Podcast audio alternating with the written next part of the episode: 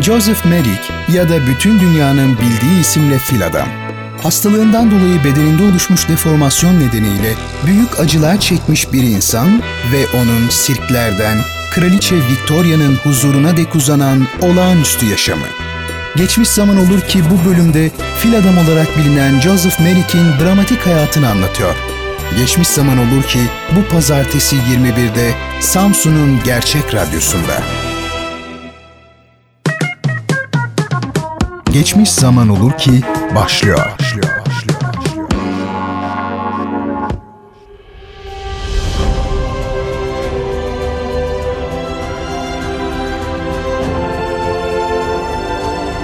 Sevgili dinleyiciler, tarihte yaşanmış enteresan, tuhaf olayları, tarihte yaşamış garip ve ilginç kişileri ele aldığımız Geçmiş Zaman Olur Ki programına hoş geldiniz, safalar getirdiniz.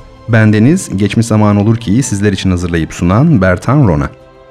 Programımı her hafta pazartesi ve cuma akşamları saat 21'de Radyo Gerçek'te dinleyebilirsiniz efendim. Böylelikle birlikte oluruz, ve her geçen gün biraz daha monotonlaşan hayatımıza hiç olmazsa haftada iki akşam enteresan ve etkileyici kişilerle, olaylarla renk katarız.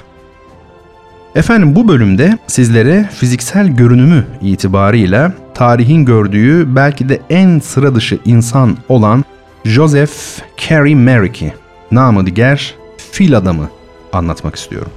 Fil adam hiç şüphesiz ki fiziksel biçim bozuklukları bakımından tarihte yaşamış en ünlü kişi. Bugüne kadar pek çok tıbbi çalışmaya, belgesele ve kurgusal yapıta konu olan Joseph Carey Merrick'in ne kadar ilginç bir görünümü olduğunu en iyi anlatan şey sanırım kendisine takılan fil adam lakabı. Bir radyo programında e, Merrick'in görüntüsünü sizlerle paylaşabilmem elbette ki mümkün değil. Sizler ona her an elinizin altında olan akıllı telefonlarınızı kullanarak hemen ulaşabilirsiniz.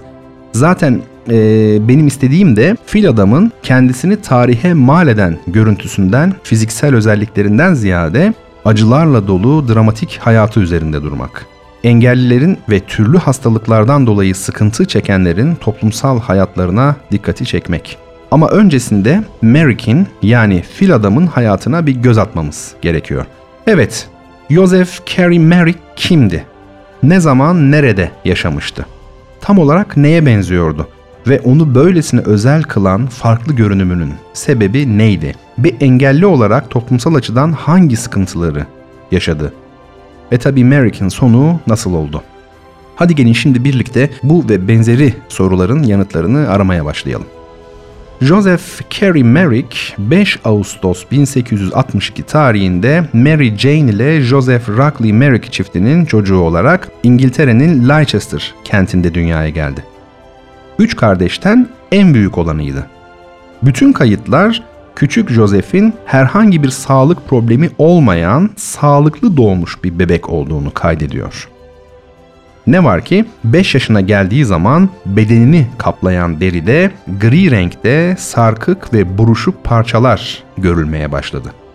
Yıllar sonra sirklerde yapacağı bir gösteri için hazırlanmış olan kitapçığın arkasına bizzat düştüğü bir notta Merrick kendisindeki şekil bozukluklarının ilk defa bedeninin sol tarafında ortaya çıktığını belirtecekti.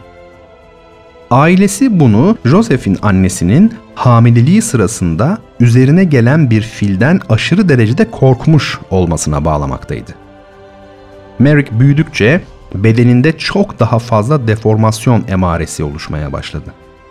Artık kafası ve vücudu kimi kemiksi yapıda olan, kimi ise sarkık et parçaları biçiminde görülen pek çok çeşitli tümör ve benzeri yapıyla kaplanmıştı. Fakat tüm bu belirtilere ve hastalığa rağmen Merrick nispeten normal bir çocukluk geçirdi ve bulunduğu bölgedeki yerel bir okula devam etti. 1873 yılında Merrick sadece 11 yaşındayken annesi bronşiyel bir solunum rahatsızlığı nedeniyle hayatını kaybetti. Merrick ileride çok sevdiği annesinin ölümünü hayatının en büyük üzüntüsü olarak tanımlayacaktı. Merrick'in babası bir yıldan kısa bir zaman içinde ev sahibeleri olan kadınla evlendi. Üvey annesi Merrick'ten hoşlanmıyordu ve kocasına onu evden uzaklaştırması için baskı yapıyordu. Belki bu baskıların da etkisiyle o günlerde Merrick iş bulmak umuduyla okulu bıraktı ve sonunda bir fabrikada sigara sarma işine girdi. Ancak iki yıl içinde sağ eli öyle deforme olmuş bir hale geldi ki artık çalışamadığı için işi bırakmak zorunda kaldı. Tuhafiye dükkanı işleten babası Merrick'e bir seyyar satıcılık belgesi sağladı. Artık o sokaklarda babasının mallarını satacaktı. Ne var ki bu noktada bile Merrick'in bedenindeki deformasyon ve konuşmasındaki bozukluk öyle ileri bir aşamadaydı ki müşterileri ondan korkuyor, korkmayanlar ise konuşmasını anlayamıyorlardı. Merrick'in bu durumu aşmak için sergilediği çaba ise yetersiz kalıyordu. Bir gün yeteri kadar para kazanamadığı için babası onu kötü bir biçimde dövünce Merrick evden ayrıldı ve amcasının yanına gitti. Fakat orada da çok barınamadı ve sonunda 17 yaşında Leicester Düşkünler Evi'ne yerleşmek zorunda kaldı. Victoria dönemindeki bu sığınmacı evleri aslında korkunç ortamlardı. Bu evlerde kalanlar sanki bir mahkum gibi yaşamaktaydılar. Dayanılamayacak kadar kötü koşullar içinde olmasına rağmen kendisine maddi destek olacak kimse bulunmadığı için Merrick ne yazık ki buradan ayrılamadı. 1884 yılında Merrick bedenindeki deformasyondan ve korkunç görüntüsünden yararlanarak para kazanabileceğini düşündü ve Leicester Düşkünler Evi'nden kaçtı. Gaiety Palace of Varieties olarak bilinen Leicester'daki bir müzik holünün sahibi Sam Torr ile iletişime geçti. İkili, Merrick'in insanların bedenlerindeki acayiplikleri sergiledikleri ve o dönemde moda olan şovlarda yer almasını kararlaştırdı. Ardından Merrick, Fil Adam veya Yarı İnsan Yarı Fil ismiyle gösterilere çıktı ve Leicester ile Nottingham'da büyük bir başarı kazandı. Sonunda o yılın Kasım ayında Merrick'e Londra yolu göründü. Sevgili dinleyiciler, fil adam bir şapka ve tül kullanarak bedenindeki bozuklukları insanlardan gizliyordu. Gösteriden gösteriye giderken seyahatleri boyunca kendisini görmek isteyen, takip eden serseri takımındansa bezmiş durumdaydı. Londra'daki Fil Adam gösterisi Londra Hastanesi'ne göre caddenin tam karşısındaydı ve gösteriyi sık sık Merrick'in durumunu görmek isteyen doktorlar ve tıp öğrencileri de ziyaret ediyordu. Sonunda Merrick, Frederick Travis adındaki bir cerrah tarafından hastaneye muayene olmaya çağrıldı. Travis'in muayenesi Merrick'in bedeninde görünen bozuklukların son derece sıra dışı nitelikte olduğunu ortaya koydu. Kafasının çevresi 92 santimetreyi buluyordu. Sağ elinin bileği ise 31 santimetreydi. Bedeni tümörlerle kaplıydı ve ayakları ile kalça kemiği o kadar deforme olmuş durumdaydı ki ancak bastonla yürüyebiliyordu. Diğer taraftan başka bir sağlık problemi ise yoktu. Doktor Travis o yılın Aralık ayında Merrick'i Londra Patoloji Cemiyeti'ne götürdü ve Merrick'ten daha ileri boyuttaki tetkikler için hastaneyi ziyaret etmesini istedi. Ancak Merrick bu isteği geri çevirdi. İleride bunun kendisini sığır pazarındaki bir hayvan gibi hissettirdiğini anlatacaktı. Ne kadar çarpıcı ve dolaysız, ne kadar üzücü bir ifade değil mi? Sığır pazarındaki bir hayvan. 1885 yılında İngiltere'de demin bahsettiğimiz fil adamın da iştirak ettiği bu ucube şovlarına karşı genel bir ilgisizlik hatta hoşnutsuzluk hali oluşmaya başladı. Zaten 1886'ya gelindiğinde bu tür gösteriler yasaklandı. Bu yeni durum karşısında Merrick ile menajeri Fil Adam gösterisini Belçika'ya taşımaya karar verdiler. Gösteri Belçika'da vasat denilebilecek bir başarı elde etti. Ancak menajeri Merrick'in bir ömür boyunca kazandığı parayı çalıp kendisini bırakarak kaçtı. Bu Fil Adam'ın hayatındaki önemli travmalardan biriydi. Çünkü çocukluğundan beri çektiği fiziksel ve sosyal sıkıntılar, acılar yetmiyormuş gibi bir de hayatı boyunca binbir güçlük ve aşağılanmaya katlanarak kazandığı para en yakınındaki insan tarafından çalınmıştı. Belçika'da 5 parasız kalan fil adam 1886 yılının Haziran'ında İngiltere'ye giden bir gemide yer bulduktan sonra Liverpool'da bir kalabalığın saldırısına uğradığı bir istasyonda ve polis tarafından gözaltına alındı. Ne var ki polis onun konuşmasını anlayamıyordu. Nihayet cebinden Dr. Travis'in kart viziti çıktı ve onu Londra hastanesine gönderdiler. Merrick'i hastanede tekrar muayene eden Travis, geçen iki yıl içinde onun durumunun ciddi oranda kötüleştiğini, üstelik Belçika'da bulunduğu süre zarfında çalıştığı mekanların hijyenik olmayan koşullarından ötürü bronşite yakalandığını gördü. Fakat hastane Merrick gibi umutsuz görünen vakaların tedavisi için yeterli değildi ve öyle görünüyordu ki Merrick yine kendi başının çaresine bakmak zorunda kalacaktı. Londra Hastanesi yöneticisi Carl Grom, fil adamın bakımı ve tedavisi için başka bir hastane bulamayınca The Times gazetesinde onun durumunu anlatan ve onun için yardım isteyen bir mektup yayımlamaya karar verdi. Grom'un mektubu kamuoyunda büyük bir karşılık buldu ve fil adamın hayatının geri kalanını geçireceği bir ev satın alması için gerekli olan bağış ve yardımı sağladı. 1887'de ise Londra Hastanesi'nin bazı odaları fil adamın yaşayabilmesi için düzenlendi. Fil adamın tanınmışlığı, şöhreti İngiliz üst sınıfına mensup bazı kişilerin de kendisine yardımcı olmasını sağladı. Bunlar arasında aktris Madge Kendall, Wales Prensi Alexandra ve hatta bizzat Kraliçe Victoria'da bulunmaktaydı. Bazı rivayetlerde Merrick ile aktris Kendall'ın çok yakın bir arkadaşlıkları olduğu ve aralarında tam bir etkileşim, mükemmel bir uyum bulunduğu anlatılmakta ise de bunun doğru olması pek mümkün görünmüyor. Zira Kendall, Merrick'in bakımı için para yardımı yapar ve ona çeşitli hediyeler gönderirken Kendall'ın kocası da Merrick'i onunla birlikte ziyaret etmekteydi. Dolayısıyla ima edildiği şekilde Kendall ile Merrick arasında herhangi bir duygusal yakınlaşma olması pek muhtemel değil. Fil adam 1887 yazını Northamptonshire'daki Fawsley Hall'de geçirdi. Onun bu bölgeye yapacağı yolculuk için pek çok tedbir alınmış ve yol boyunca insanların kendisini görmemeleri için Merrick tamamen kapalı bir arabada yolculuk yapmak zorunda kalmıştı. Merrick burada kır çiçekleri toplayarak güzel bir koleksiyon oluşturdu ve bu koleksiyonu dönüşte Londra'ya getirdi. Londra'nın tabiattan uzak ve sıkıcı olan şehir yaşamı karşısında doğal ve dinlendirici bir ortam olarak çok sevdiği Fawley Hall'de 1888 ve 1889 yıllarında da yine tatil yaptı. Fil adam bundan sonraki 5 yıl boyunca ülkenin pek çok bölgesine yolculuklar, seyahatler gerçekleştirdi. Evde olduğu zamanlarda ise kendisini anlayan çok az sayıdaki insandan biri olan Dr. Travis ile sohbet ederek düz yazılar ve şiirler yazarak vakit geçirdi. Kendisine bakan hemşirelerin yardımıyla kartondan son derece ayrıntılı bir katedral maketi yaptı. Adeta koruyucusu durumuna gelmiş olan aktris Madge Kendall'a gönderdiği bu karton maket daha sonra hastanede sergilenecekti. Travis gerçekleştirdikleri sohbetlerden yola çıkarak fil adamın ölümünden sonra onun körler evine giderek kendi görünümünden iğrenmeyen, korkmayan ve kendisini sevecek bir kadın bulmayı hayal ettiğini söyleyecekti. Ama ne yazık ki fil adamın bu hayali hiçbir zaman gerçekleşmedi ve o bu özlemini az önce de söylediğim gibi dokunaklı metinler ve şiirler kaleme alarak gidermeye çalıştı. Bence onun hayatındaki en dramatik meselelerden biri de bu.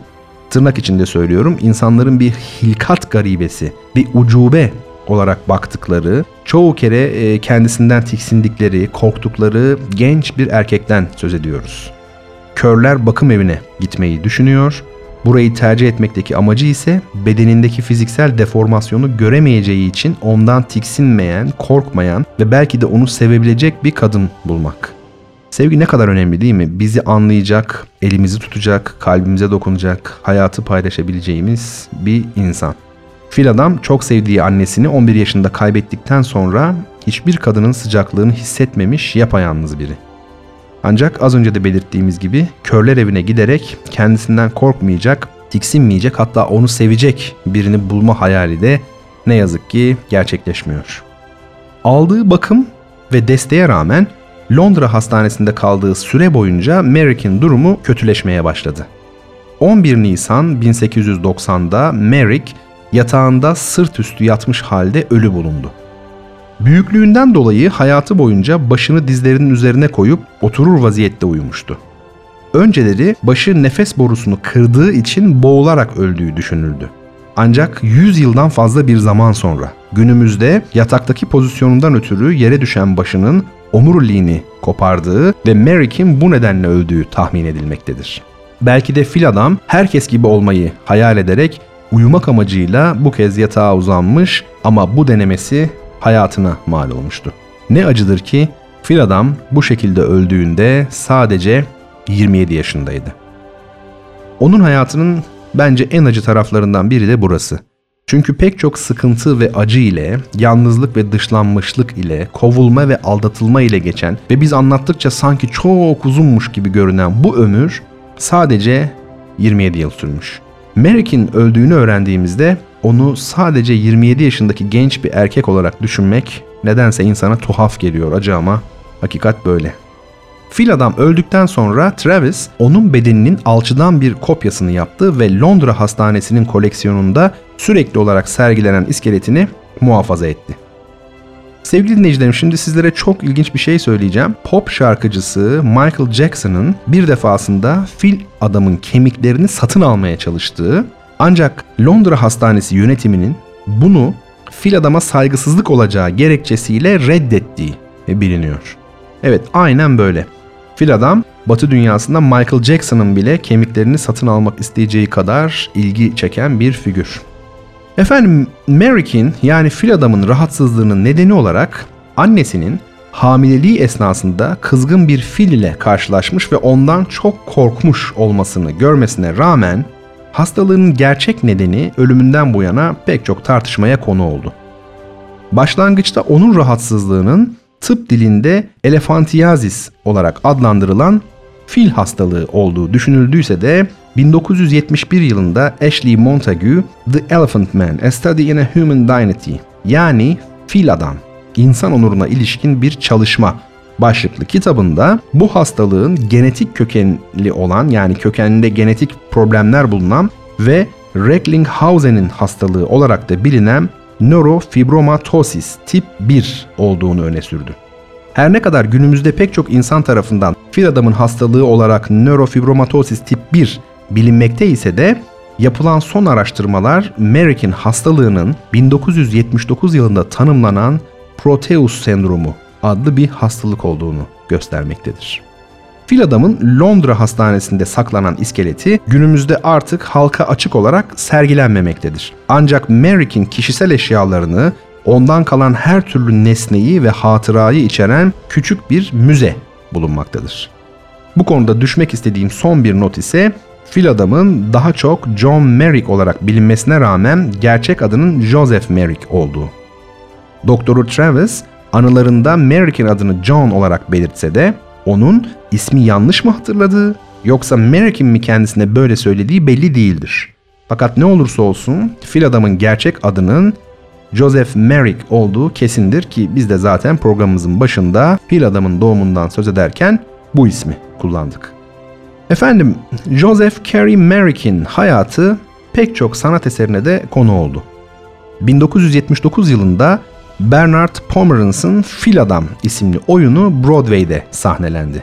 İlerleyen yıllarda aynı isimde bir başka film daha çekildi.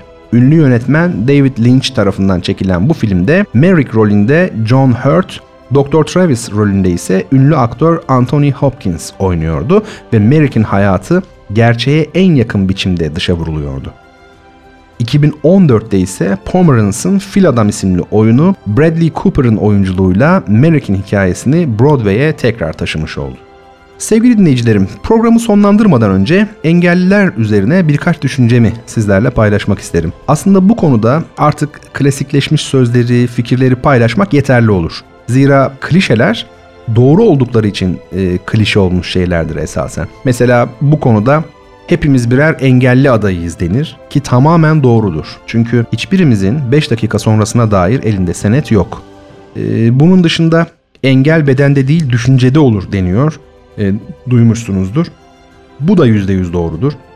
Çünkü insanı hayvandan ayıran şey kendi fiziksel varlığının hatta bütün e, bir dünyanın fiziksel varlığının kısıtlamalarını, özelliklerini, tehlikelerini ne derseniz deyin aşabilmesidir. Dolayısıyla insanı insan yapan şey aklı. Aklınızda bir problem yoksa hayata doğru doğru bir pencereden ve dürüst bir insan olarak bakabiliyorsanız e, o zaman engelli değilsiniz demektir. Ama işte efendim tekerlekli sandalyedeymişsiniz, gözleriniz görmüyormuş veya fil adam gibi çok ağır bir hastalıktan muzdaripmişsiniz falan bunların hiç önemi olmaz öylesi bir e, durumda. İşte tam da bu noktada engelli dediğimiz insanların toplumsal hayatlarını rahatça sürdürebilmeleri gereğinden söz etmemiz lazım. Bunun için ise toplumun bu konudaki geleneksel bakış açısından, ön yargılarından kurtulması için henüz küçük yaşta verilecek hedefe yönelik bir eğitimin yanı sıra kentlerimizin fiziksel altyapısının uygunluğu e, büyük bir önem arz ediyor. Geçtiğimiz yıllarda Türkiye'deki engelli vatandaşların genel nüfusa oranının %10 olduğuna, yanlış duymuyorsunuz %10 olduğuna dair bir haber okumuştum. Bu hesaba göre ülkemizde her 10 kişiden birinin engelli olması gerekiyor değil mi? Öyle. Ama eminim ki bu oran hemen herkese e, abartılı gelmiştir şu an beni dinleyen. Çünkü insanlar nasıl yani her 10 kişiden biri engelliyse biz onları neden görmüyoruz diye düşünüyorlar. Haklı olarak belki de. İşte meselenin can alıcı kısmı da burası zaten. Sokakta göremiyorsunuz çünkü engelli vatandaşlarımız sokağa rahatça çıkamıyorlar. Bunda da haklılar. Zira caddelerimiz, Sokaklarımız, kaldırımlarımız, üst ve alt geçitlerimiz, toplu ulaşım araçlarımız, asansörlerimiz, kamu binalarımız, tuvaletlerimiz, restoranlarımız, kitapçılarımız, tiyatro ve sinemalarımız, konser salonlarımız, efendim parklarımız, istasyonlarımız, e, müzelerimiz vesaire e, onların e, rahatça dolaşabilecekleri ve ihtiyaçlarını karşılayabilecekleri şekilde tasarlanmış değil. O nedenle de elbette e, dışarı çıkmak, engelli vatandaşlarımızı yoruyor, bezdiriyor ve bir süre sonra da bu sıkıntıları yaşamaktansa evlerinde kalmayı tercih ediyorlar. Ve bizler en doğal hakları olan sokağa çıkma hakkını onların elinden alıp kendilerini adeta bir ev hapsine mecbur ediyoruz.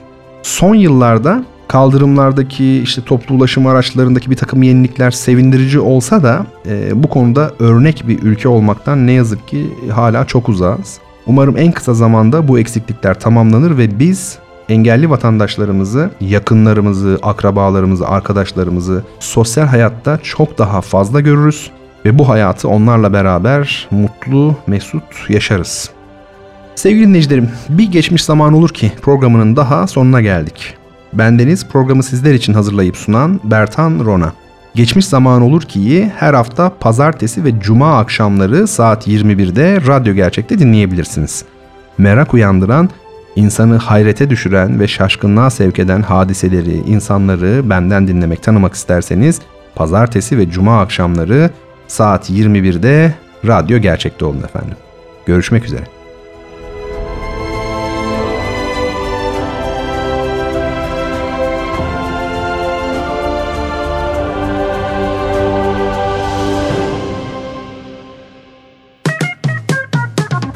Geçmiş zaman olur ki sona erdi.